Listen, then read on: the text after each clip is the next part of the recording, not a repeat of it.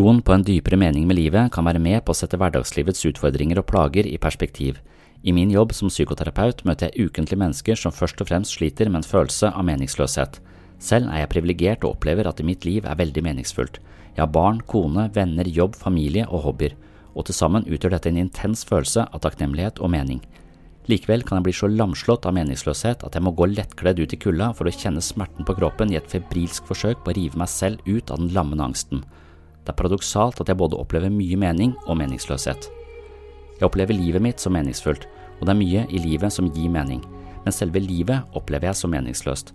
Så lenge jeg ikke klarer å forankre alt det som er meningsfullt i livet i noe sublimt eller evig, blir det skremmende å kikke ut i intetheten fra min lille meningsfulle boble. Er det fordi jeg ikke tror på en guddommelig overbygning på livet, at meningsløsheten flekker tenner fra etasjen over mitt meningsfulle liv?